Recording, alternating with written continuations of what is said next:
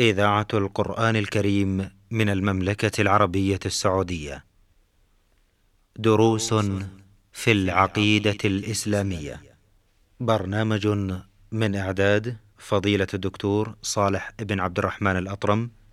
تقديم فهد بن عبد العزيز السنيدي. أيها الإخوة المستمعون السلام عليكم ورحمة الله تعالى وبركاته وأسعد الله أوقاتكم بكل خير. أهلا ومرحبا بكم إلى لقاء جديد يجمعنا مع فضيلة الدكتور صالح بن عبد الرحمن الأطرم عضو هيئة كبار العلماء. أهلا ومرحبا بكم شيخ صالح في حلقات برنامج دروس في العقيدة الإسلامية. حياكم الله. حياكم الله. في الحلقات الماضية تناولنا الحديث حول بعض الأمور المتعلقة بالأصل الثالث من أصول الدين ألا وهو معرفة النبي صلى الله عليه وسلم. أه، تحدثنا ولو إشارات سريعة إلى توجيه العقيدة نحو دعوة الرسول صلى الله عليه وسلم ومعرفة نسبه صلوات الله وسلامه عليه. وأشرنا إشارات إلى أه، بداية دعوته صلى الله عليه وسلم متى نبأ ومتى أرسل. نرغب الآن أن نستمر في الحديث حول هذا الموضوع آه، نشير إلى البدء بالدعوة آه، وما لاقاه صلى الله عليه وسلم من قومه ثم ما هي الفوائد التي نستقيها من ذلك تجاه عقيدتنا به صلى الله عليه وسلم؟ بسم الله الرحمن الرحيم. الحمد لله رب العالمين وصلى الله وسلم على نبينا محمد وعلى آله وصحبه أجمعين. نبئ عليه الصلاة والسلام بإقرأ. وهذا وحي لم يؤمر بتبليغه. فلهذا يقول العلماء في تعريف النبي من أوحي إليه بشرع ولم يؤمر بتبليغه. فهو أخبر بها وشعر عليه الصلاة والسلام أن وراءها ما وراءها. ولهذا ذهب إلى غار حراء وأخذ يتعبد به. أما الرسالة فبدأت بقوله تعالى يا أيها المدثر قم فأنذر وربك فكبر وثيابك فطهر والرز فاهجر ولا تمنن تستكثر ولربك فاصبر. فلما نزلت هذه الآية عرف عليه الصلاة والسلام الأمر الصريح بأنه يقوم لتنفيذ هذه الأوامر من الله سبحانه وتعالى. ومما يدل على تحمله عليه الصلاة والسلام أنه حينما رأى جبريل قد عرض له.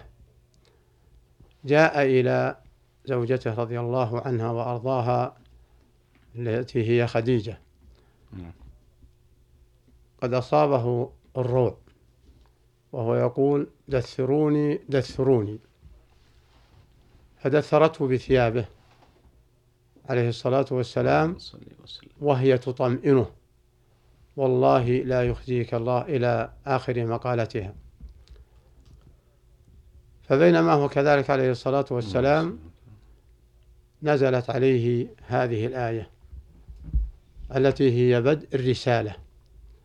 يا أيها المدثر بمعنى المتدثر في ثيابه نعم. عفوا يا شيخ. اذا نعم. ليس بين اقرأ وسوره المدثر آه، زمن طويل. يقال ثلاث سنين أو يقال بعضها. نعم. على خلاف بين العلماء. نعم. إنما بينه بينهما فترة. اذا هذه الفترة التي قضاها من نزول اقرأ. هو التحنث في غار حراء نعم. هو مجرد نعم. العبادة الخاصة به. مجرد وكوننا نقول الخاصة به. كوننا نقول اقرأ لم يؤمر بالتبليغ عندما نزلت عليه اقرأ ولا يزال نبيا. أيضا أخشى أن يفهم من ذلك نعم. أن اقرأ ليست من القرآن المأمور بتبليغه أو أود أن نشير إلى هذه القضية ضرورية أيضا حتى لا يفهم المقصود خطأ لا هي وحي نعم وبلا شك ولا ريب أنها نعم. وحي وهي نعم. أول آية نزلت نعم لكن ما أمر بتبليغها إلا بعد إلا نعم. بعد نعم. هذا الوقت نعم وبعد نزول يا أيها المدثر نعم فلهذا قرر علماء أن أقرأ أول آية نزلت. وبدليل أنها سميت آية العلم. ويا أيها المدثر آية العمل. فدل على أنه لا علم إلا بعمل. نعم. ولا عمل إلا بعلم. وأن العلم قبل القول والعمل. فنزلت يا أيها المدثر قم فأنذر. وربك فكبر وثيابك فطهر والرز فاهجر ولا تمنن تستكثر ولربك فاصبر. فأمرته هذه الآية أن يقوم وأن يدعو قومه ولكنه بدأ بالإنذار كما أمره الله. الله أكبر. بدأ بالإنذار. ثم هذا الإنذار بدأ أن ينذر عن الشرك. قم فأنذر. ومعنى أنذر أي حذر. وخوف بوعيد الله عن الشرك. واذكر لهم حرمته أنه حرام وأن عاقبته سيئة. ولا وأنه لا يجوز أن يشرك مع الله غيره. فلهذا يقول المفسرون رحمة الله عليهم قم فأنذر. بدأ بأول جزء من أجزاء لا إله إلا الله. أنذر أي اترك الشرك. نعم.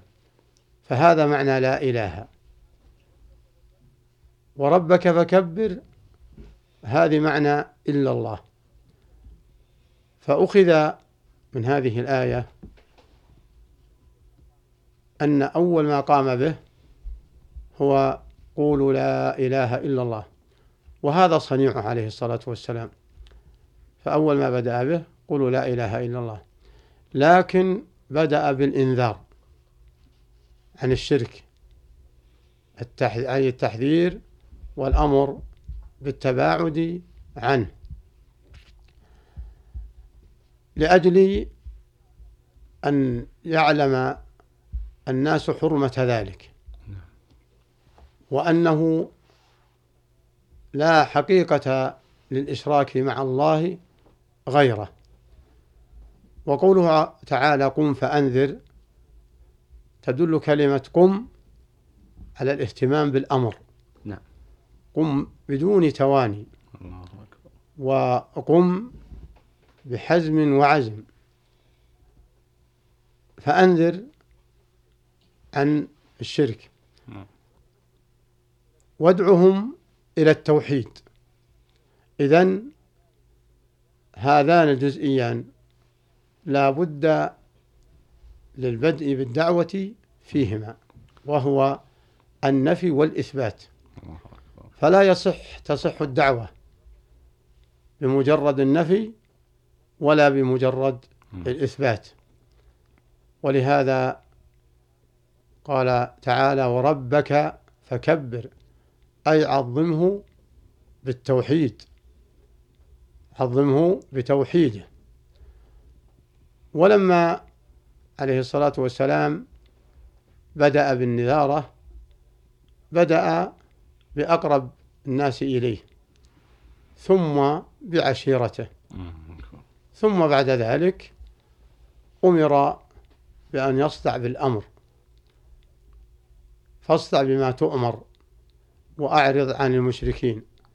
اصدع بالتوحيد بتوحيد الله.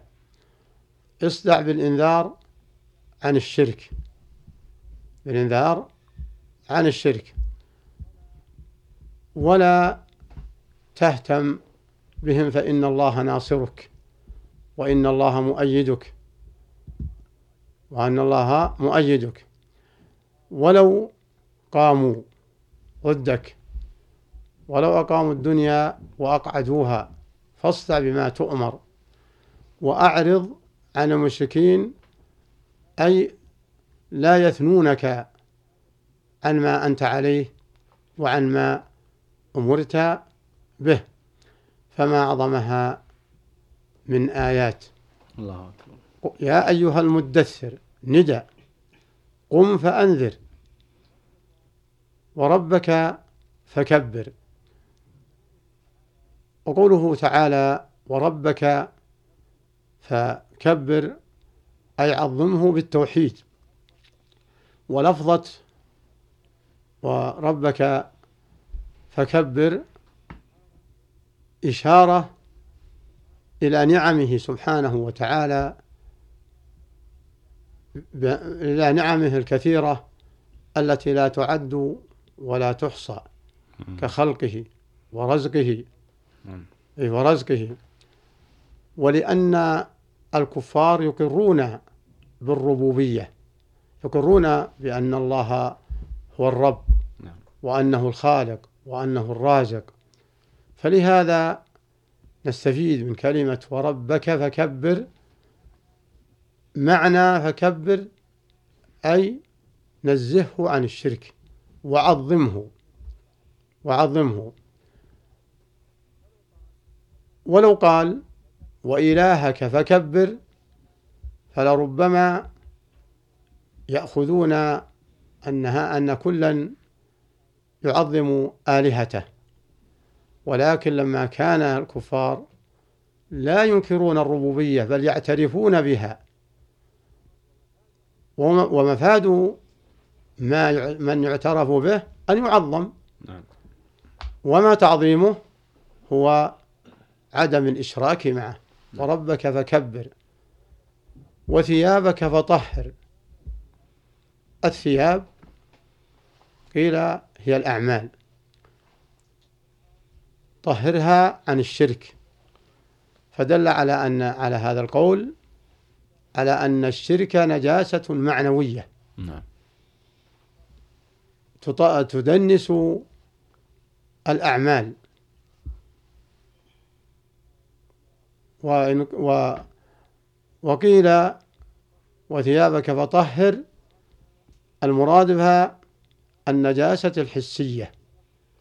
أي طهر ثيابك عند الصلوات فلا تقرب النجاسات فكما أمره الله أن يقوم بالتوحيد الذي هو الطهارة المعنوية يكون هنا على هذا القول أمره بترك أيضا النجاسة الحسية عندما قال وثيابك فطهر أي طهرها عن النجاسات نعم.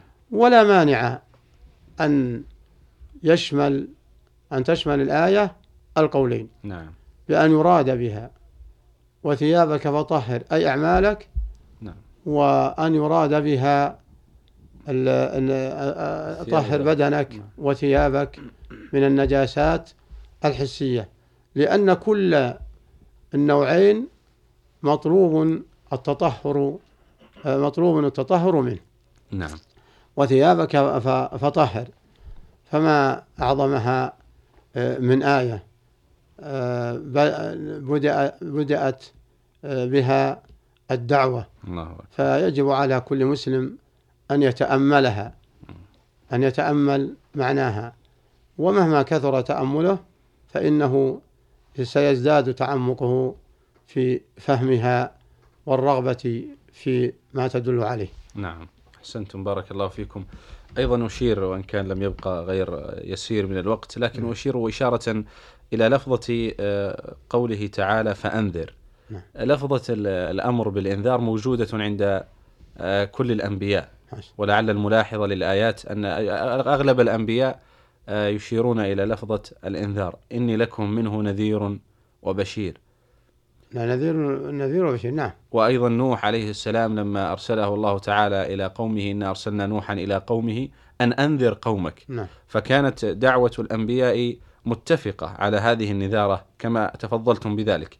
أيضا في قوله تعالى وربك فكبر وثيابك فطهر أهل اللغة يؤكدون على أن ال ال الذي يقدم وحقه التأخير إما أن يفيد التأكيد أو أو يفيد الحصر. فكأن هنا إشارة أيضا إلى ضرورة التأكيد على قضية تكبير الرب سبحانه وتعالى وحصر هذا الأمر له جل ذكره. نعم التعظيم. نعم. على أساس أن المراد به تنزيه عن الشرك. نعم نعم. نعم. أحسنتم بارك الله فيكم.